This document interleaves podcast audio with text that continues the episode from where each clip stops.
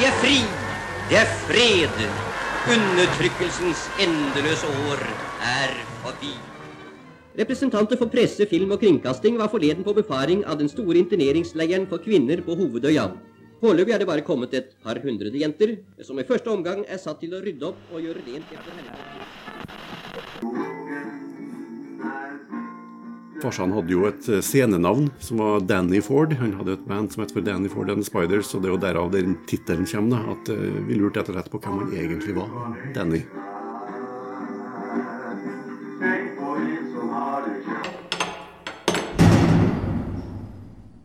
Velkommen igjen til celle 11. Jeg heter Kristine Eriksen, og med meg i dag har jeg Eva Fusche.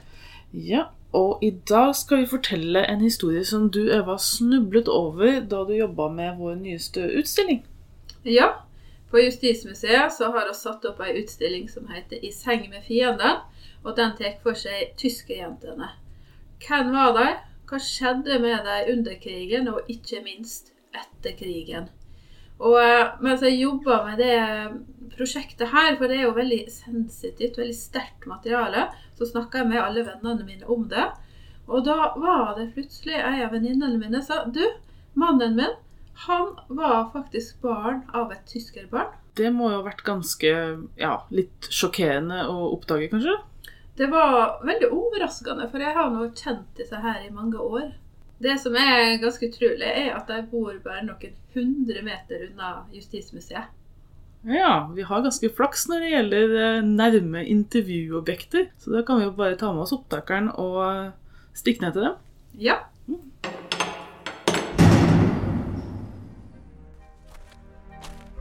Vi tar med oss opptakeren og går ned gata til Mats og Brynhild.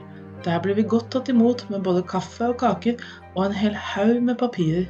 De vitner om et stort arbeid.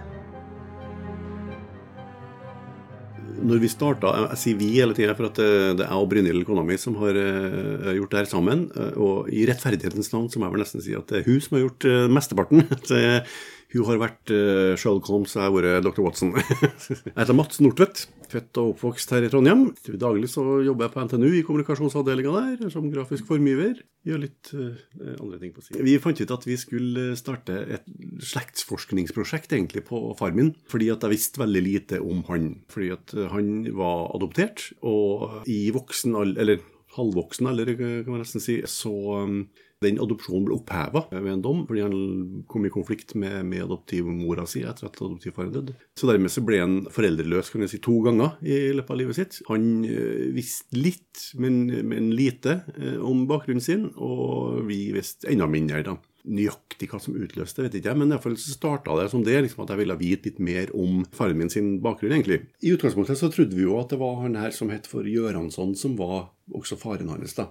Så fikk jeg kontakt med eh, en slektning, en etterkommer av Gjøransson. Ikke etter han, han den samme Gjøransson, men etter broren til han eh, som var oppført som far til faren min. Det blir etter hvert ganske komplekst. men, men eh, så er det sånn at hvis man har ei ren mannlig linje, så kan man ta noe som heter for en Y-DNA-test, som da følger Y-kromosomet. Og så tok vi en Y-DNA-test og sendte inn til Oslo universitetssykehus. og fikk svar tilbake om at vi kan ikke være i slekt. Eh, Så dermed så skjønte jeg jo da at eh, ok, da er det ikke han, eh, Gjøransson, som er faren til, til faren min. da. Göransson var altså ikke Mats sin farfar. Gjennom sitt arbeid har Mats og Brynhild konkludert med at Dannys far sannsynligvis var en tysk soldat. Vi spurte Mats hvordan det var å oppdage at Danny kanskje var et krigsbarn. Men det faktum også at, vi, at det var snakk om et krigsbarn, og at det var lebensbarn, og det var at, eh, at uh, farmora mi hadde vært en såkalt tyskertøs, hvis det er det du tenker på, uh, så hadde det ikke vært litt ja, noen sterke eh, følelsesmessige reaksjoner rundt det. Altså det. Vi har ikke, som jeg kan komme på, opplevd noe, noen gang å bli møtt med liksom, og, en sånn Å jaså, liksom. Det, nei. Har du opplevd noen som har vært negativt på det? Tenker du, For dere så var det jo helt fantastisk å endelig få svar på hvor dere kommer fra. Så det har kun vært positivt. Nå har det gått såpass lang tid, så det kan jo kanskje være det også, at eh, generasjonen til farsene, altså etterkrigsgenerasjonen, altså da har man begynt å på en måte koble seg litt av ifra det her stoffet, og det har gått mange år, og de har gjennom det eh, kanskje fått både mer kunnskap og kobla seg enda mer sånn følelsesmessig av det stoffet. Så alle jeg har snakka med, har bare blitt eh, fascinert og syns det er interessant. Det er en fascinerende historie som Mats og Brynhild har avdekket, og svært komplisert. Så la oss prøve å ta det hele fra begynnelsen. Vi begynner med moren til Danny, hun som hadde forholdet til den tyske soldaten. Hun het Tamar og var født i 1914 i Ålesund. Hennes mor var enke og hadde allerede ni barn da Tamar ble født. Tamar vokste opp uekte og i ganske fattige kår. Moren døde da hun var 17 år gammel, og hun hadde da 13 halvsøsken. Tamar flyttet etter hvert til Bergen og får seg jobb som hushjelp. Der blir hun frem til 1943. Så kom hun tilbake i 43. Hun fikk seg hjelp som kjøkkenhjelp ved Klausengata aldershjem. Leid hybel på samme sted. Og i november 43 traff hun Plonus. Eh, han var kaptein på en båt i sitt sivile liv, da, som var han kaptein på en fiskebåt i eh, Bremerhaven i Tyskland. Kraft av det da, så ble han da eh, Han ble eh, den formelle tyske tittelen igjen. Da, den var, for Han jobba under Haffenkaptein, eh, altså havnevesenet, kan du si, i, i eh, Kristiansund. Så det var vel gjennom det at de møttes. da, og hvordan vet vi jo ikke. Vi vet bare at de, de møtes. Men hun prøvde å um, introdusere han for venner og familie? Ja, i hvert fall så vet vi at hun, hun, hun hadde som sagt litt kontakt med søstrene sine. Og en gang så hadde hun kommet visstnok på besøk til dem, eller i hvert fall kommet til dem og på en måte vært litt sånn um, Hun ene søstera beskrev det som at hun på en måte hadde ville vise dem at det gikk bra, at det hadde gått bra. Uh, I hennes øyne så hadde det jo, hadde jo gått bra for henne liksom, når hun fikk offiser som kavaler, og, og, og, som hadde tillegg da skinn Det er et foto av Tamar som står på trappa på en bygning som vi er litt usikre på hvor er. Uh, men uh, kanskje er det på Elverhøy, der hun oppholdt seg en periode. Og der ser du hun har en Jeg viser litt dårlig der, men hun har en sånn skinnkrage på seg. Og det eh, har jeg blitt fortalt av noen eldre damer at det var visstnok tegnet på jenter som gikk med for med tyske soldater. De fikk veldig ofte en sånn skinnkrage, pelskrage, i gave. Jeg vet ikke hvordan, men tyske soldater hadde visstnok tilgang på den slags. Eh, og det var jo, på den tida så var jo det en ekstremt dyr gave. altså Veldig flott og eksklusiv gave. Altså, det, det, er jo viktig å understreke at, at uh, i krigssituasjonen så er det jo ikke forbudt å ha et forhold til motstandsmakten, eh, for å si det sånn. sånn at de norske jentene som ble kjærester med, med tyske soldater, de gjorde ikke noe galt. De brøt ingen regler, de brøt ingen lov. Tamar blir gravid med oberstøyemann Rudolf Plonus. Men det er ikke med Danny. Mats har nemlig oppdaget at han har en ukjent tante. Tamar føder ved EC Dahls stiftelse i Trondheim og gir barnet navnet Turid. Hun får etter hvert økonomisk støtte fra Lebensborn. De skal også hjelpe henne avklare farskapet, noe Rudolf Plonus nekter for. Da er vi tilbake på celle 11. Det har vært en utrolig interessant og komplisert historie så langt. Men akkurat det her med Lebensborn vil jeg gjerne ha forklart litt nøyere. Da kan jeg stå og ringe til Kåre Olsen. Kåre Olsen er i Oslo så vi ringer han over Skype.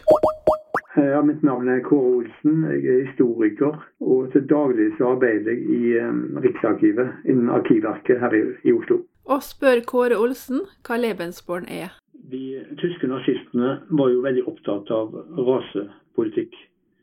Uh, deres befolkningspolitikk skulle være rasebasert. Og uh, det fikk jo sine utslag på den, skal vi si, sånne negative geniske virkemidler, der de skulle svekke veksten i de, de, de delene av befolkningen som de anså som lite verdifull. Eh, sånn som er mest ekstreme er jo da med jødene og sigøynere. Slike grupper. at Der skulle de jo utrydde dem. Ta livet av dem.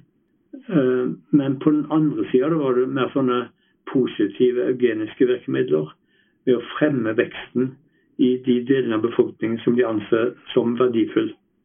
Og uh, i 1935 så ble, så ble, det innen SS opprettet en egen organisasjon som het Levensbarn.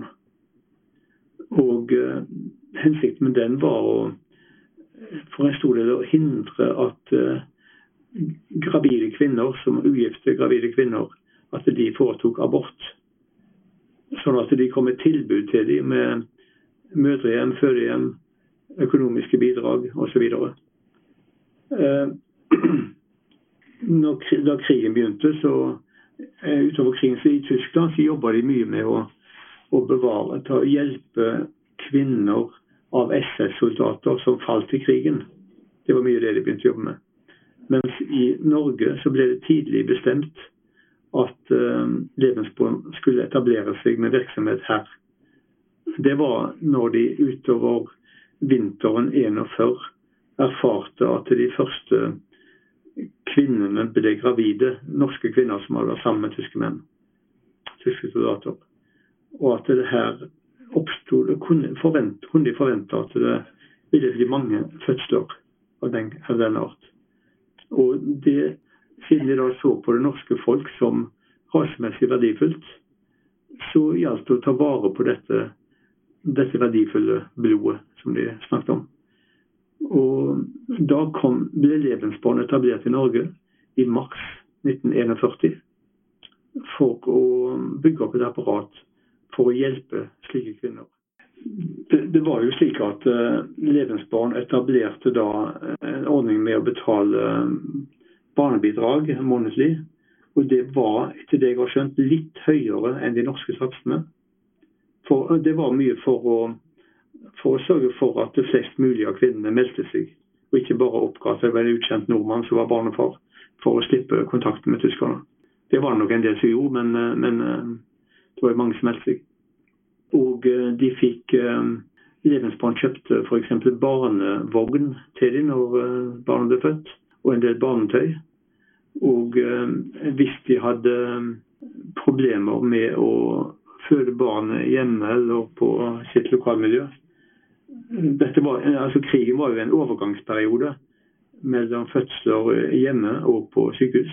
Hvis, hvis kvinnene f.eks. var utstøtt av sine familier og hadde problemer i lokalmiljøet, så tilbød da Levensbarn at de kunne skaffe plass til dem på fødehjem.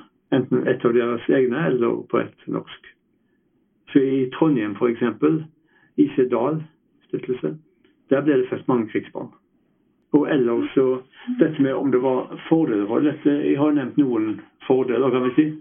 Og jeg må nevne at, eh, at disse hjemmene som tyskerne etablerte, de etablerte anslagsvis ja, ca. ti ulike mødre, hjem, fødehjem, barnehjem i Norge. Det var for en stor del eh, sånn kjente norske, eh, fine hotell som de bare rekvirerte, leide. Hurdal Verk, Dr. Holms på Geilo, Stalheim, Godthåp, Klekken. Sånne, sånne velkjente. Ja, og Det ble jo oppfatta som en fordel. De fikk litt sånn luksuriøs behandling etter forholdene, da. Kåres forklaring gjør at vi tenker på hvordan Tame hadde det når hun kom til Levensborn i Trondheim. Den gården der Lebensborn lå, ligger faktisk bare en kort kjøretur unna museet, så vi pakker sammen igjen og drar besøker de som bor der nå.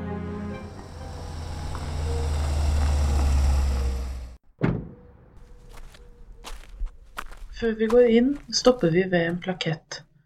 Nederst på den står det under andre verdenskrig beslaglagt av tyskerne til hjem for mødre med såkalte Lebensborn-barn. Ja, jeg er Synna Feilberg og er eh, tredje generasjon her på gården. Mm, og så sitter femte generasjon her. Og så har vi sjette nede i første etasje. Så vi har vært her siden 1929. Og da kom vi hit, og da var jeg tre år gammel. Siden har vi bodd her. Noen i familien hele tiden. Jeg tror jeg var 14 år da den brøt ut. Ja, vi sier 14 år, vi. det kan ikke være så galt. Jeg kan huske dagene før. Min far hadde en ørelappstol som sto der, og så var radioen ved siden av, og han satt i den ørelappstolen, og vi lyttet naturligvis på radioen. Og så våknet vi klokken fem om morgenen ved at det duret av fly, tyske fly som fløy over her. Og det durte og det durte og det durte, og de som gikk i byen, de så jo de tyske soldatene som gikk oppover Munkegaten, da. Hvor de, gikk hen, det vet jeg da ikke. Ja, det gikk jo et par år, da. Eh, før min far kom hjem midt på dagen og sa at nå skal vi være ute på to dager. De hadde kommet til ham på kontoret og sagt to dager, fullt møblert. Og det ga ikke min far seg på, så han tok det opp med dem og fikk endret det til to uker og to stuer som skulle være møblert. Han som var offiser og hadde kontor på stiftsgården, og som kom hit opp sammen med min far og gikk gjennom rommene og sa 'det vil vi ha', 'det vil vi gjerne ha her', inntil far klarte å endre noe på det, da. Men han var en flott fyr.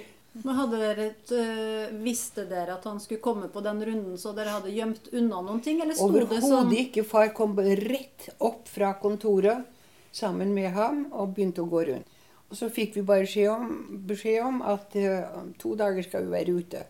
Så var vi så heldige at jeg hadde en gammel onkel som bodde i Øvreolje. Han ble også kastet ut. Og han kom inn i barnehagen. Og han hadde ikke plass til alle møblene, så vi fikk noen eh, riktig gufne gamle stuemøbler til den ene stuen, og så var det et soverom som ble møblert.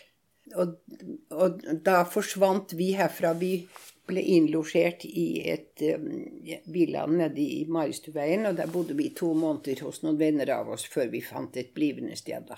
Og egentlig så gikk vi jo forbi Sinnsaker gård i flere år, men vi så egentlig ikke inn på Sinnsaker gård. Vi gjorde ikke det, altså. Nei, det var jo egentlig bare Altså, de stakkars jentene, de De hadde jo ikke det beste ord på seg, da. Så hvordan de klarte seg i det hele tatt, det vet jeg ikke. Det var forferdelig. Men vi så dem jo ikke mer etterpå. Det gjorde vi ikke. Snakket dere om dem? Med dem? Nei, om dem, Det er dere imellom. Ja, det gjorde vi.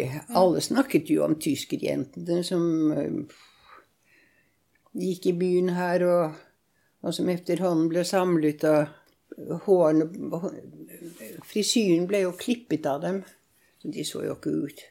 Så det, det var bare trist. Jeg, jeg kjente egentlig ingen av dem. Det har man bare lest om etterpå. Organisasjonen Lebensborn registrerte om lag 8000 mødre i Norge. Men bare et mindre antall av disse var innom et Lebensborn-hjem. Hvor lang tid Tamar oppholdte seg ved Lebensborn-hjemmet i Trondheim, vet vi ikke. Men vi er ganske sikre på at det var her hun traff mannen hun kom til å gifte seg med. Men den historien får vente.